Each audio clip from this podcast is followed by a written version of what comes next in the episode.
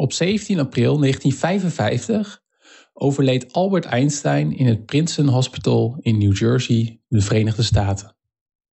Tegenwoordig staat de naam Einstein synoniem voor grote intelligentie. En om die reden waren mensen rond het overlijden van Einstein nieuwsgierig naar het brein van dit genie. Einstein zelf moest daar niks van hebben.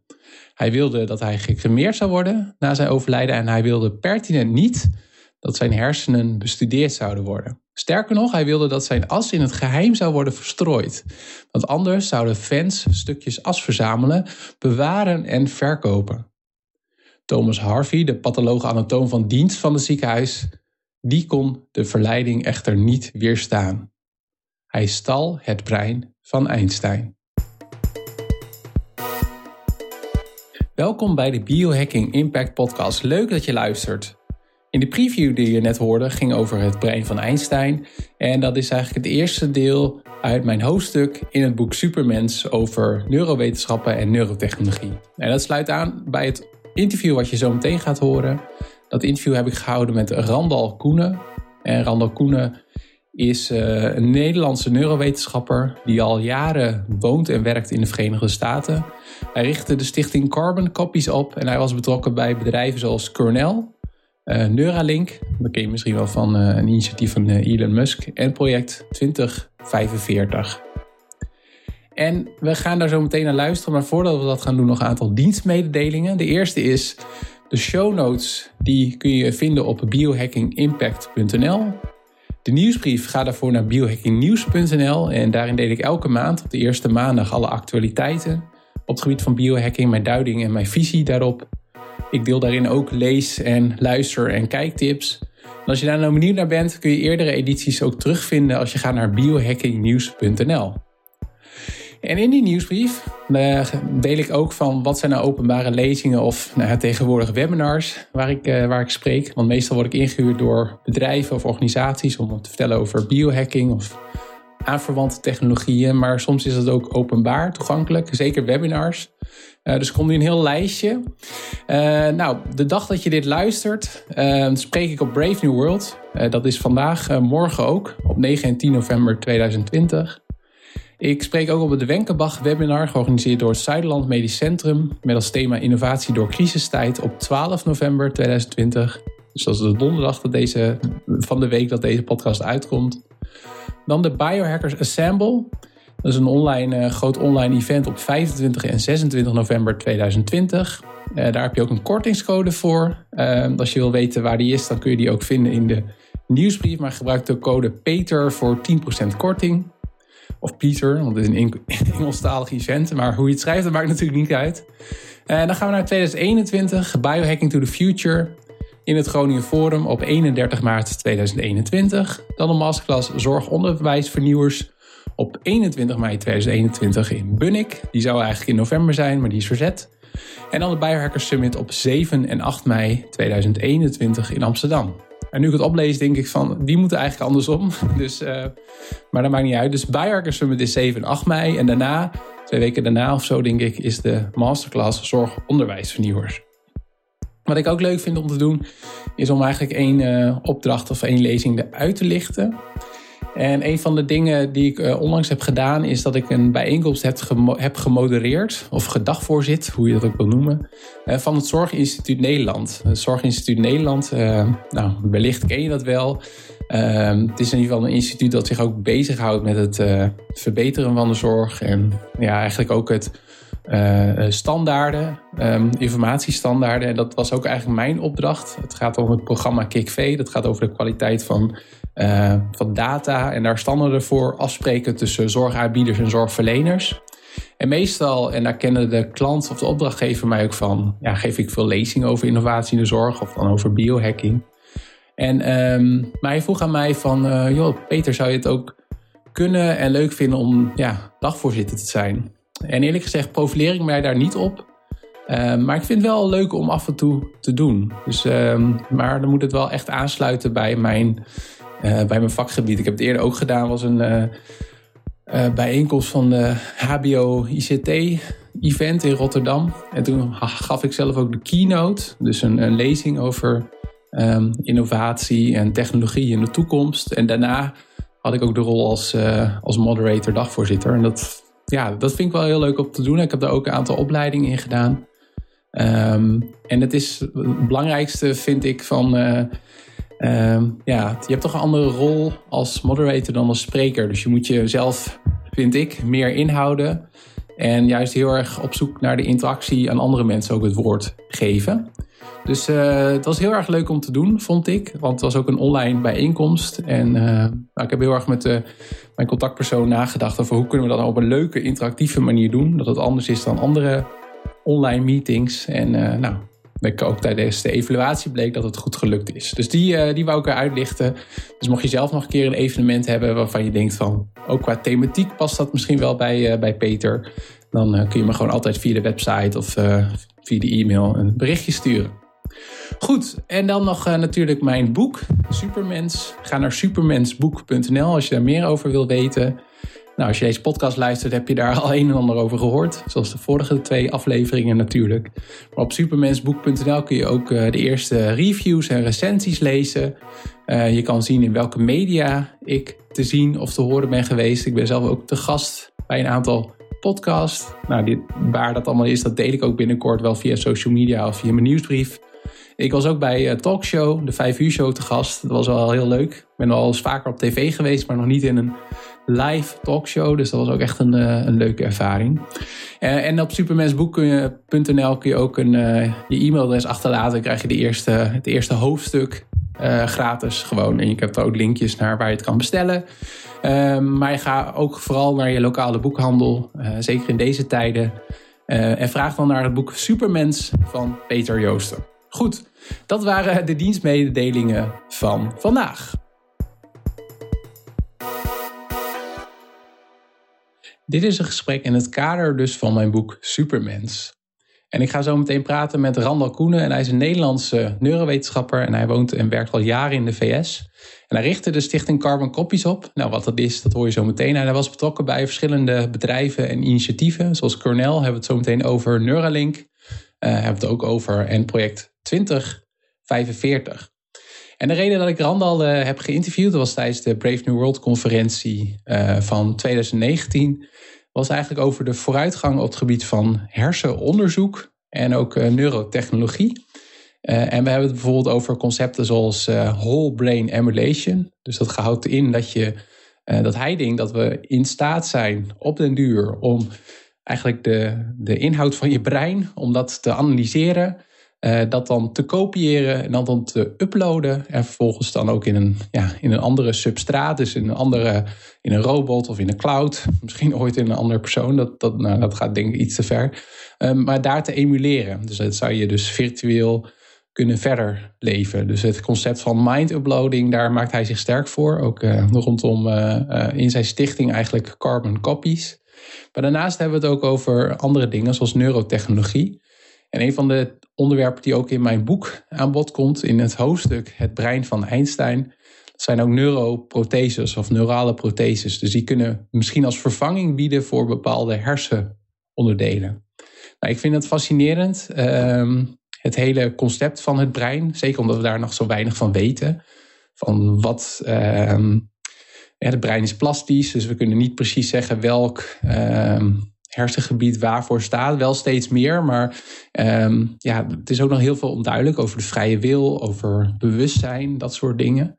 Uh, maar dat weerhoudt wetenschappers en engineers er niet van om ook al na te denken over het ingrijpen op het brein. Of zoals Randall Koenen, om het dan helemaal te analyseren, te uploaden en ergens anders verder te leven. Dus ik, het brein, dat, dat fascineert mij mateloos. Uh, het is natuurlijk ook het, het orgaan waar we eigenlijk nog zo weinig van af weten. Ehm, dus dat, uh, nou ja, dat ik, ik denk dat je dat ook in mijn hoofdstuk uh, Het brein van Einstein terugleest. Want het gaat er dus over dat we hersenen uh, zo fascinerend vinden dat een patholoog anatoom zoals Thomas Harvey zelfs in staat was om het brein van Einstein te stelen om er zelf onderzoek op te doen. En uh, ik zal alvast een spoiler geven, dat is voor Thomas niet zo goed afgelopen. Maar goed, dat, dat verhaal dat kun je dus lezen in mijn boek Supermens. Voor nu veel plezier met mijn gesprek met neurowetenschapper Randal Koenen. Uh, Randal Koenen, uh, jij bent Wat zei je nou? Je ouders wonen nog in Haarlem, dus... Uh, nee, ze wonen in Arnhem. Oh ja, Arnhem. Dus een gerenommeerd uh, neuroscientist uh, uit Amerika... met wie ik in Nederlands kan praten. Dus dat is ja. mooi. En waar is het, het, het taal de taalfunctie of de geheugenfunctie aan Nederland, waar is dat in, in jouw brein gelokaliseerd?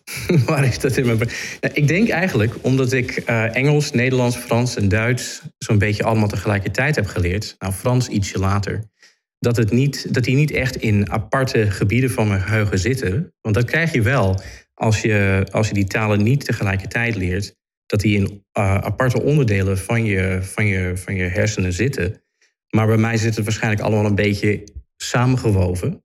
En dat zie je dan ook wel omdat ik soms uh, associaties heb tussen woorden waar ik uh, iets in het Nederlands zeg en dan haal ik daar iets uit dat meer klinkt als een Duits woord of uh, iets Engels. Het was bij ons thuis namelijk ook zo dat we vaak in een gesprek gewoon van taal zijn gewisseld. En mijn hmm. moeder die zei iets op Duits en mijn vader die antwoordde op Nederlands en dan zei ik iets in een, ja, een soort mixtaal die van alles was. Ja. En is dat ook niet een voorbeeld dat whole brain uh, emulation, stimulation, dat dat heel erg lastig is? Whole brain emulation, emulation lastig? Ja. Uh, bij lastig, daar, daar bedoel je mee dat uitleggen wat uh, ja. WBA is? Ja ik, ik, wil het graag wel uitleggen. En dan kom ik terug op jouw vraag of het lastig is. ja, whole brain emulation, dat is het idee dat omdat de hersenen een soort Ehm, een soort machine zijn die informatie verwerkt.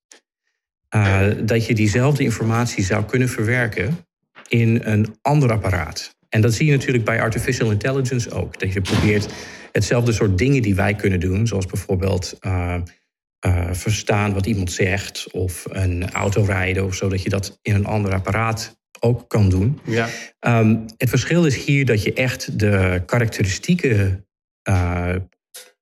ja, dingen van een bepaald persoon, die een bepaald persoon uh, echt, uh, die, bijvoorbeeld de manier waarop jij piano speelt, of de manier waarop jij uh, iets zegt, of je herinneringen, je emoties en hoe je die verwerkt enzovoort.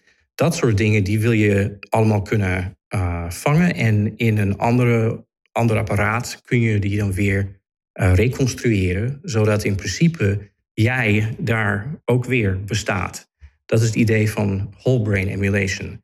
Maar dat is, uh, het is gerelateerd aan het idee van een neuroprosthesis. Het idee dat je een onderdeel van de hersenen kan vervangen door een apparaat. Dat je dus een apparaat kan bouwen, een device, die begrijpt hoe het brein met zijn signalen omgaat en daar geïntegreerd is in dat geheel.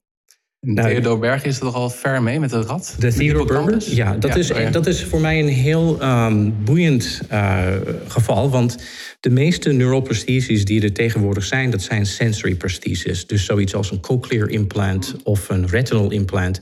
En in die gevallen is het zo dat omdat je daar een, een referentie hebt die je kent... bijvoorbeeld een beeld waarvan je weet wat het is. Het is een boom of een auto... Of je hebt een geluid en je weet wat het geluid moet zijn. Iemand heeft net je naam gezegd of zo dan kunnen je hersenen leren om om te gaan met de signalen die dit apparaat creëert. Dus een, een cochlear implant die maakt niet echt de signalen die je normaal zou krijgen van je cochlea, maar iets dat er een beetje op lijkt en je hersenen die leren ermee omgaan. Dat is anders met een cognitive prosthesis, dus een prothese die diep in je hersenen zit en die uh, input krijgt van één onderdeel van de hersenen en output naar een ander onderdeel van de hersenen stuurt. Want dan weet je niet wat die signalen nou precies moeten betekenen. En toch moet het apparaat kunnen leren omgaan met die signalen. Dus dat betekent dat je eh, in dat apparaat moet je een, een computational device maken. Dan moet je een, een model inzetten dat echt meer begrijpt van wat die taal van het brein nou is. Wat die signalen moeten betekenen. En dat heeft Ted Burger heel mooi gedaan met zijn, uh, met zijn team. Die hebben daar gewerkt aan een, een soort black box approximation van de hippocampus of van een onderdeel van de hippocampus. De hippocampus is een deel van de hersenen dat um, heel erg belangrijk is voor het maken van nieuwe geheugens. Mm. En, um, en zij hebben er dus een uh, experimenten gedaan waar ze aan de ene kant van de hippocampus um, elektroden geïmplanteerd hebben die uh, kunnen opname maken opname maken van de elektrische activiteit die daar uh, plaatsvindt. En aan de andere kant, de outputzijde van de hippocampus, ook weer zoiets. Dus dan kunnen ze kijken van als er hier een bepaalde activiteit gebeurt, wat komt er dan aan de output uit? Wat hoort er te zijn? En daar kunnen ze dan een model van maken. En dat zijn dan allemaal functies die, allemaal equations die weergeven wat dat, die black box, wat dat ding daar eigenlijk doet. En nu hebben ze aangetoond in ratten en ook in apen en dan nu in menselijke patiënten die daaraan meedoen, dat dit apparaat een goede functie heeft. Dat namelijk patiënten die niet meer zo goed nieuwe geheugens kunnen maken, omdat ze zware epilepsie hebben, die een, een defect heeft gemaakt in de hippocampus of een stroke, um, die kunnen nu weer beter uh, nieuwe geheugens maken, iets nieuws leren. Ja. Als dat apparaat aan is, als dat apparaat die inputsignalen krijgt, dat verwerkt en die output doorgeeft. En dat doet hij niet precies zoals de hippocampus, want het is nog een heel simpel apparaatje dat maar iets van 60 inputs en 60 outputs heeft, terwijl je eigenlijk miljoenen neuronen in al die twee ja. gebieden hebt. En toch werkt het op een bepaalde manier. Het is statistiek, tenminste, statistisch hebben ze een, nu een beter geheugen. Hmm. Zijn die patiënten nu beter in staat om iets te leren. Maar dat zit dan ook echt op de plek van de hippocampus? Dat wordt echt uh, verbonden met die plek van het hippocampus. Die, dat apparaatje zit eigenlijk buiten de schedel. Okay. Maar de elektroden die gaan echt in de hersenen daar binnenin, ja. Hmm. En uh, kijk, wat, wat ik interessant vind, is dat dan gaat het om, om, patiënt, om patiënten die je wil helpen met, met zo'n neuroprotheses. Maar is dan het idee van uh, whole brain emulation Ehm, dat is, gaat eigenlijk nog een stapje. Wat, wat zou daar het doel van zijn? Is dat ook uh, voor, voor de gezondheidszorg? Of, of ga je meer richting transhumanistische ideeën van we hebben dit, deze zak vlees als het ware niet meer nodig? Dat gaat zeker een stuk verder. Ja, ik kan je wel voorstellen dat in het beginsel dat de eerste mensen die meedoen aan bijvoorbeeld een, een test om te zien of whole brain emulation mogelijk is, dat zullen waarschijnlijk patiënten zijn zoals een locked-in patient, die verder niet meer ja, echt met de wereld goed kan communiceren en daarin kan leven, zonder zoiets als een transfer van zijn brein. Uh, want een, ja, een whole brain emulation is eigenlijk hetzelfde als een whole brain prosthesis. Hè? Die krijgt een, een nieuw brein. Um, dus daar kun je je voorstellen dat er een paar patiënten zijn waar dat zinvol is. Misschien ook patiënten met terminal illness enzovoort. Maar het idee is dat het eigenlijk een veel grotere uh, impact kan hebben op wat het betekent om menselijk te zijn, of uh, wat uh, human society is. als je bedenkt wat het allemaal mogelijk maakt als je ja, niet alleen maar je harttransplant kan krijgen, maar ook je brain transplant kan krijgen. Want dat betekent niet alleen maar dat je um, terminal illness daarmee, dat je daar een, een, optie hebt om verder te kunnen leven dan je anders zou kunnen. Maar het betekent ook andere dingen. Het betekent bijvoorbeeld dat je heel, uh, heel wat makkelijker dan met een biologisch brein ook brain enhancements kan doen. Zo stel je bijvoorbeeld voor dat je gewoon alles in dit, uh, dit technologisch nieuwe brein twee keer sneller laat lopen. Nou, dat is meteen een enhancement, want opeens kun je twee keer sneller denken. Wat betekent dat nou? Of hoe zit het nou als je bijvoorbeeld je geheugens veel beter maakt? Als je bijvoorbeeld ervoor zorgt dat je niets meer vergeet. Of als je ervoor zorgt dat je dingen kan zien die je normaal niet kan zien. Dat je nu in het X-ray spectrum kan zien enzovoort. Mm. Je kun je allerlei dingen voorstellen die dan mogelijk zijn. En dat betekent ook dat je gewoon veel meer verbonden kan zijn met andere mensen en hoe zij denken. Want je kunt je gedachten veel meer verbinden met de gedachten van andere mensen. Uh, dat gaat dan ook om empathie bijvoorbeeld en andere emotionele uh, dingen. En en je kan je voorstellen dat je ook met andere niet-menselijke uh, apparaten, zoals artificial intelligence, dat je daar ook mee kan zijn verbonden op een manier. Dus misschien wordt de, de, de afstand tussen de mens en die andere intelligenties, die andere machines die wij maken, ja. die wordt veel kleiner. Vandaar dat mijn, uh, ja, de titel van mijn talk hier bij Brave New World, die is dan ook uh, Mind Uploading uh, in een ecosystem of intelligences. Mm Omdat wij nu eigenlijk een, een heel ecosystem maken van verschillende intelligente dingen. Ja, ja. En voor de luisteraars en kijkers, eh, het is nu maandag, eerste maandag van de maand 12 uur in Nederland. En dan gaat het even het, alarm, het testalarm af. Um, uh, in de afgelopen jaren, ik, ik, ben zo meteen nog wel benieuwd naar Carbon Copies, de stichting. De afgelopen jaren zag je natuurlijk dat ook grote ondernemers zich met neurotechnologie gaan bemoeien en daar geld gaan investeren. Brian Johnson van Cornell, Elon Musk bij Neuralink. ik denk ook, ik ben even zijn naam vergeten, Dimitri Ichkov met het project Avatar, wat ook nog iets breder is. wat betekent dat voor dit domein? Het is nog niet helemaal duidelijk wat dat betekent. Um, ik, ik, ben natuurlijk heel geïnteresseerd in elk soort support voor, uh, voor dit soort research. Um, maar je, je leert heel snel dat er allerlei voordelen en nadelen zijn bij bepaalde manieren van, van financiering van dit soort werk. Bijvoorbeeld heb je met een. Uh, met ja, met normaal met soort academische onderzoek heb je het voordeel dat, uh, omdat er geen, geen bottom line aan zit, er zit geen, uh, geen winst, uh, nee. winst bij, dat je hebt dat mensen veel makkelijker open met elkaar omgaan en vertellen van wat ze nu in hun research aan het doen zijn, dat ze publiceren en dat ze dat met elkaar delen. Dus het samenwerken gaat er heel goed. Uh, aan de andere kant is het zo dat je in uh, start-ups, in, in het, in het, uh, ja, als je die ondernemers ziet wat ze daar doen, die hebben het voordeel dat omdat ze heel veel geld in een korte tijdspan op een bepaald gebied kunnen zetten, dat ze bijvoorbeeld heel makkelijk de allerbeste experts in een bepaald gebied kunnen, kunnen bijhalen bij zo'n project. Ja. En dat is dan ook gebeurd bij Neuralink en ook bij Kernel zie je dat, dat ze daar uh, binnen een enkele maanden hebben ze een team kunnen bouwen waar ze echt uh, fantastische experts erbij halen. Uh, die kosten dan ook heel wat geld.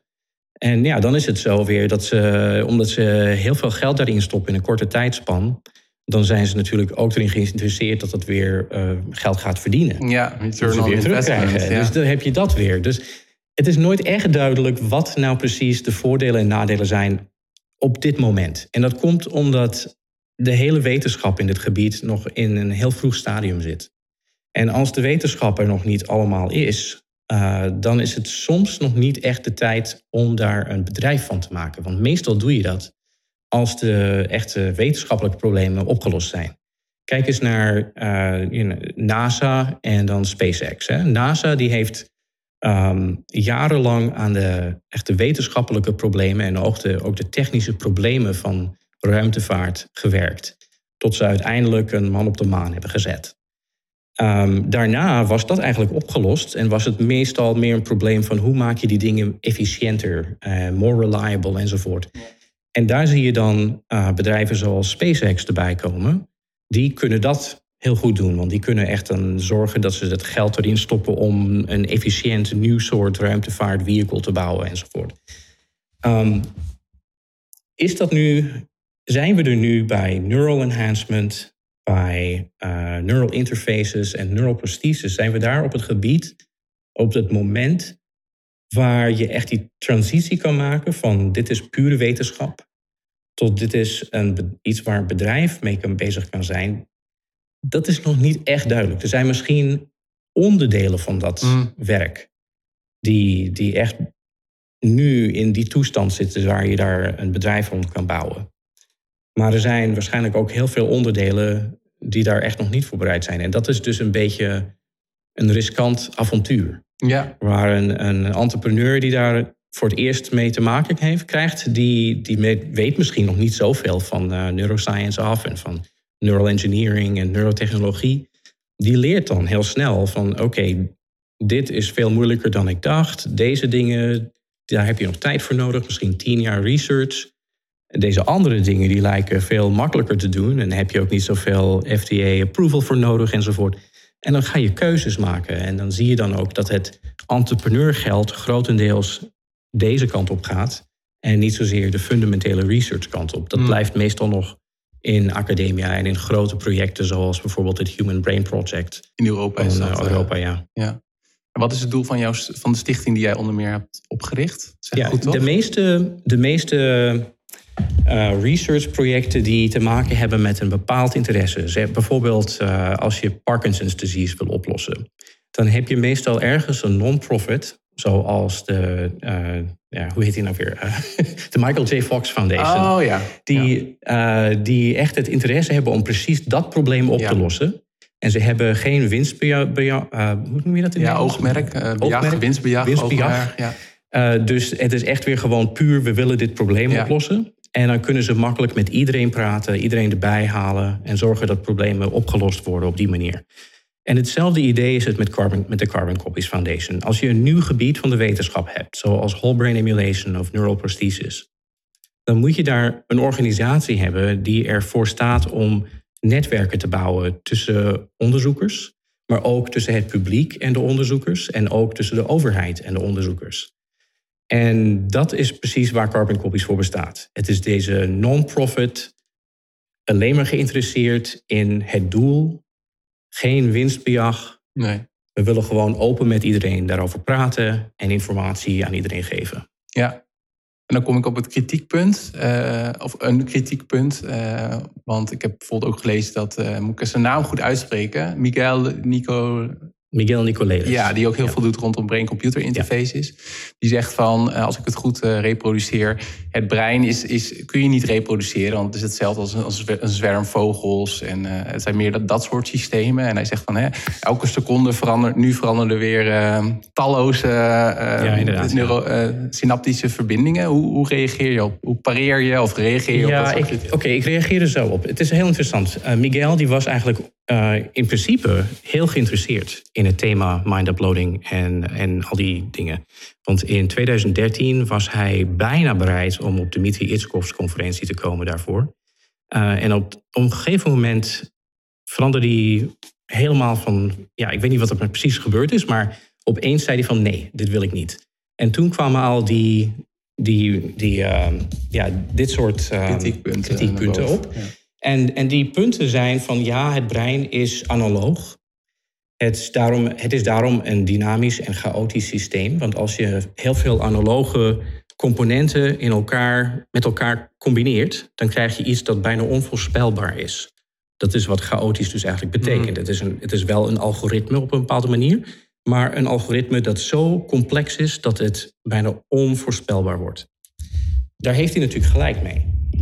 Dat is niet verkeerd. Een computer is ook een analogisch systeem. Als je kijkt wat een PC is, er zitten mm. ontzettend veel analoge componenten in. Transistors. En die zijn allemaal met elkaar verbonden. En je kunt nooit precies voorspellen wat een computer zal doen. Als je dat zo bekijkt. Als je op het hele diepste niveau kijkt, wat gaat er daar allemaal gebeuren met die elektronen die daar de ene kant of de andere kant op gaan? Ontzettend ingewikkeld. Kan je geen model van maken. Toch kun je precies voorspellen wat een computer zal doen. En dat komt omdat die computer zelf systemen heeft ingebouwd in zich die ervoor zorgen dat het meer voorspelbaar wordt. Want de computer wil voorspelbaar zijn. De computer wil dat de CPU kan praten met het RAM, kan praten met het uh, algoritmisch logisch unit en met de graphic processor enzovoort. Dus die moeten allemaal een klok hebben, die moeten allemaal uh, een, een, threshold hebben. Dat als het volt, uh, voltage iets hoger is dan een bepaald niveau, dan is het een 1. Als het lager is, is het een 0. En een, een taal die je gebruikt, een programmeertaal enzovoort. Dat zie je wat er in een computer gebeurt om iets dat eigenlijk een onvoorspelbaar dynamisch systeem is, voorspelbaar te maken. Nu, wat ik zeg en wat vele anderen, Miguel dus niet, ook zeggen, is dat het brein hetzelfde doet. Want in het brein moet het één onderdeel van de hersenen, één brain region, moet kunnen verstaan wat een ander brain region zegt. De enige manier waarop wij kunnen functioneren als een systeem is als dat systeem voorspelbaar blijft. Als het onvoorspelbaar is, dan weet je nooit wanneer je meteen een epileptische aanval hebt of dat je gewoon een puddel op de, op de vloer bent. Mhm. Dat zou niet werken. Je moet voorspelbaar zijn. Dus je systeem is binnen zichzelf voorspelbaar die heeft allemaal constraints, dus als thresholds van nu gaat een neuron vuren, nu vuurt het niet. Nu is er een, je hebt, ziet ook allemaal van die ritmen in het brein, hè? Eh, gamma rhythm, theta rhythm, die oh ervoor zorgen dat een patroon van activiteit alleen maar gebeurt op bepaalde punten, tijdpunten en niet op andere tijdpunten enzovoort. Dus er zijn allemaal van dit soort dingen. En ook iets dat je in neuroscience homeostasis van het systeem noemt. Dus dat het altijd weer terugkeert in een bepaalde toestand, een soort initial state. Dat soort dingen zijn er en die moeten er zijn. En als dat niet zo was, dan zou jij zelf als systeem niet kunnen werken en je zou in helemaal niet met een ander mens kunnen communiceren, want je zou nooit kunnen voorspellen wat die geluiden uit iemands mond nou zouden betekenen. Hmm. Dus dat, uh, die kritiek van Miguel, die is een beetje, ik vind, hem een, ik vind het een beetje ja, ik vind het niet een hele eerlijke kritiek. Want het is zo'n kritiek die iemand die gewoon graag uh, nee wil zeggen, die, die dat niet wil dat zoiets kan, die kan dat aanbrengen omdat het, als je het puur theoretisch bekijkt, natuurlijk waar is. Het is een analoog systeem en het is niet helemaal te modelleren op het laagste niveau. En dat kun je sowieso nergens, want we leven in een kwantumuniversum waar alles probabilistisch is. Mm. Dus je kan nooit echt een model maken van iets.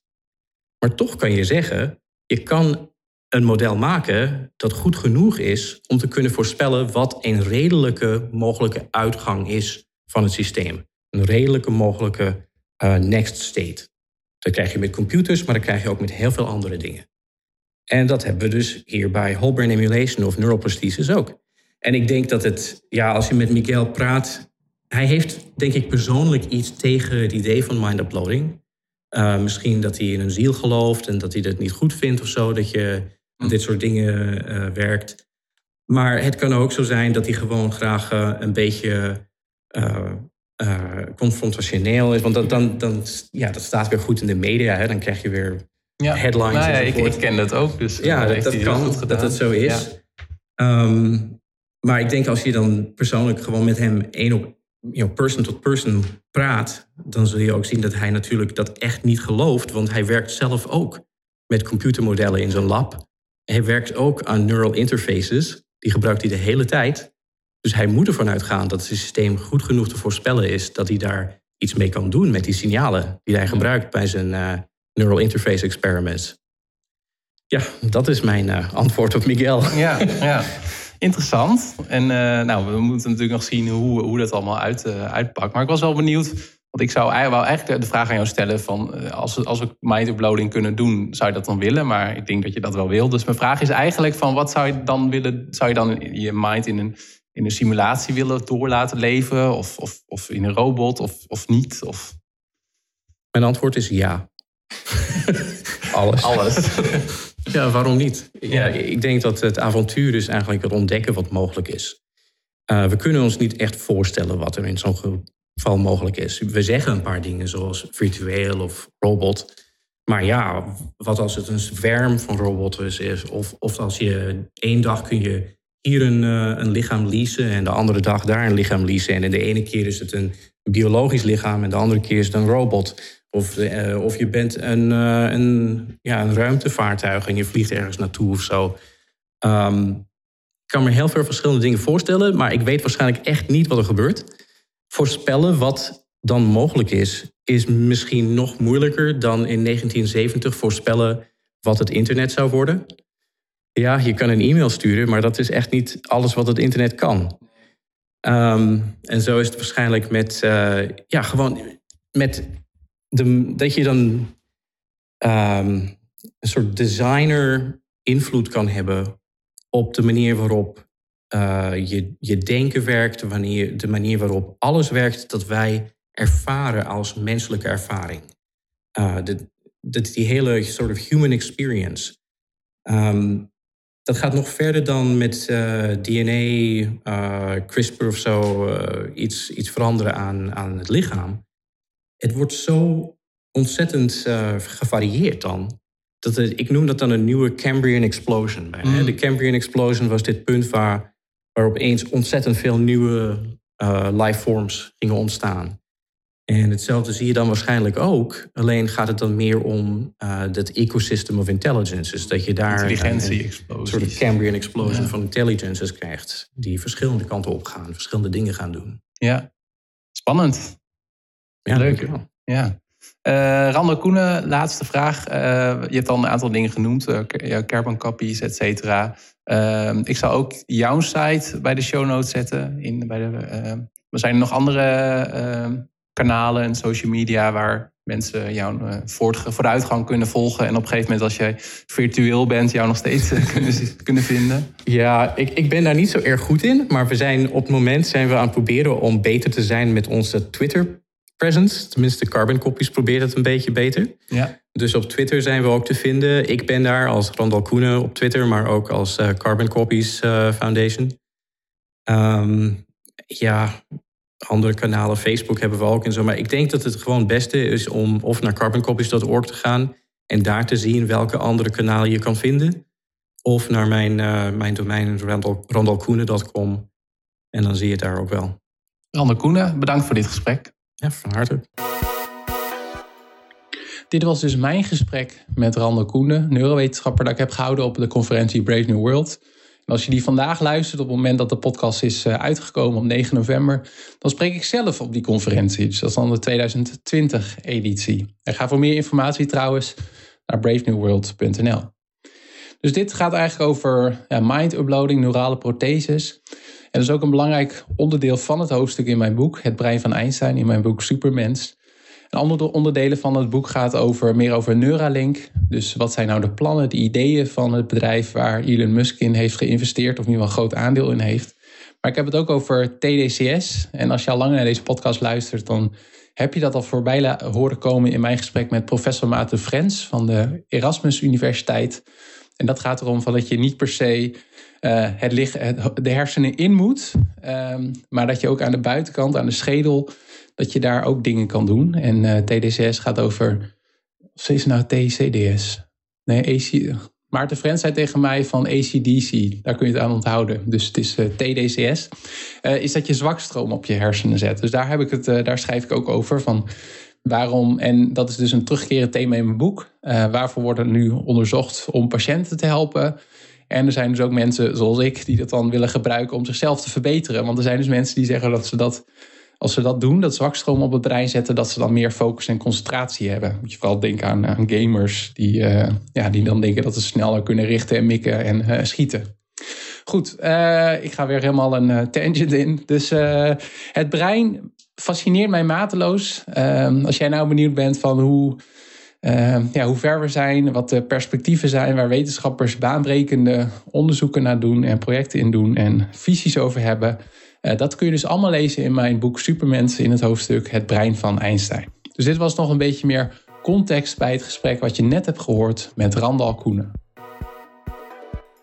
Leuk dat je hebt geluisterd. Nog drie dingen. Ten eerste, vergeet je niet te abonneren op mijn maandelijkse nieuwsbrief biohackingnieuws.nl. Op biohackingnieuws.nl kun je ook de eerdere edities teruglezen. En zoals ik al zei, je vindt er uh, alle ja, nieuwtjes op het gebied van biohacking, mijn duiding daarvan, mijn visie erop en ook uh, ja, andere interessante artikelen die ik heb gelezen, boekentips, leestips, kijktips. Dus ga naar biohackingnieuws.nl. Je kan je ook gewoon met één klik eigenlijk weer uitschrijven. Ten tweede, ga naar supermensboek.nl. Als je deze podcast tot nu toe hebt geluisterd, dan vind je het in ieder geval interessant. Dat betekent dat je of het boek al hebt, uh, en zo niet dat je het fascinerend vindt, dan raad ik je zeker aan uh, om het boek Supermens te kopen. Of in ieder geval naar supermensboek.nl te gaan voor meer informatie, achtergronden, uh, media-optredens. Dan krijg je nog een beter beeld van het boek. En ten derde is mijn vraag voor jou deze keer, nadat je hebt geluisterd naar dit, ja, deze episode, wou ik zeggen, deze show, deze aflevering, moet ik zeggen, met Randal Koenen over neurotechnologie en mind uploading en whole brain emulation. Ja, dat is eigenlijk wel, denk ik, wel een, een, vraag die bij mij opkomt van, ja, zou ik dat willen? Dus mijn vraag aan jou is, zou jij, zou jij je brein willen laten analyseren en uploaden en dat je dan virtueel kan verder leven?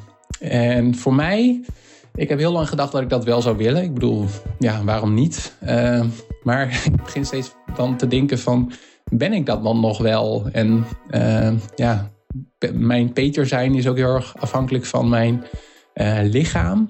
En op het moment dat ik in een computer verder leef, ehm, ja, heb ik dan nog wel dezelfde sensaties. Maar goed, aan de andere kant zou je denken. Ehm, ik neem deze podcast trouwens uh, s ochtends op, terwijl ik net twee koffie heb gehad. Dus misschien denk je op dit moment dat ik een aantal wijntjes heb gehad of zo, dat ik zo aan het filosoferen ben. Maar goed, uh, om even terug te komen weer op mijn punt. Aan de andere kant uh, is het ook wel zo van misschien is dat ook wel, wel leuker of zo. ja, dan, zijn we, dan gaan we natuurlijk heel erg uit van dat we zo redeneren van dat we ons lichaam nodig hebben, is ook omdat we dat heel goed kennen, omdat we dat dan zo zijn geëvalueerd en dat onderdeel van onze cultuur is. Maar misschien is het hartstikke leuk en veel beter ook om virtueel verder te leven. Maar goed, uh, ben benieuwd wat jij erover denkt, hoe jij, hoe jij erover denkt. Uh, wil je dat nog delen, dan uh, vind ik dat heel leuk. Laat een reactie achter op uh, social media, contactformulier op mijn site, dat soort dingen. En dan eh, wens ik je nog een fijne dag of fijne avond.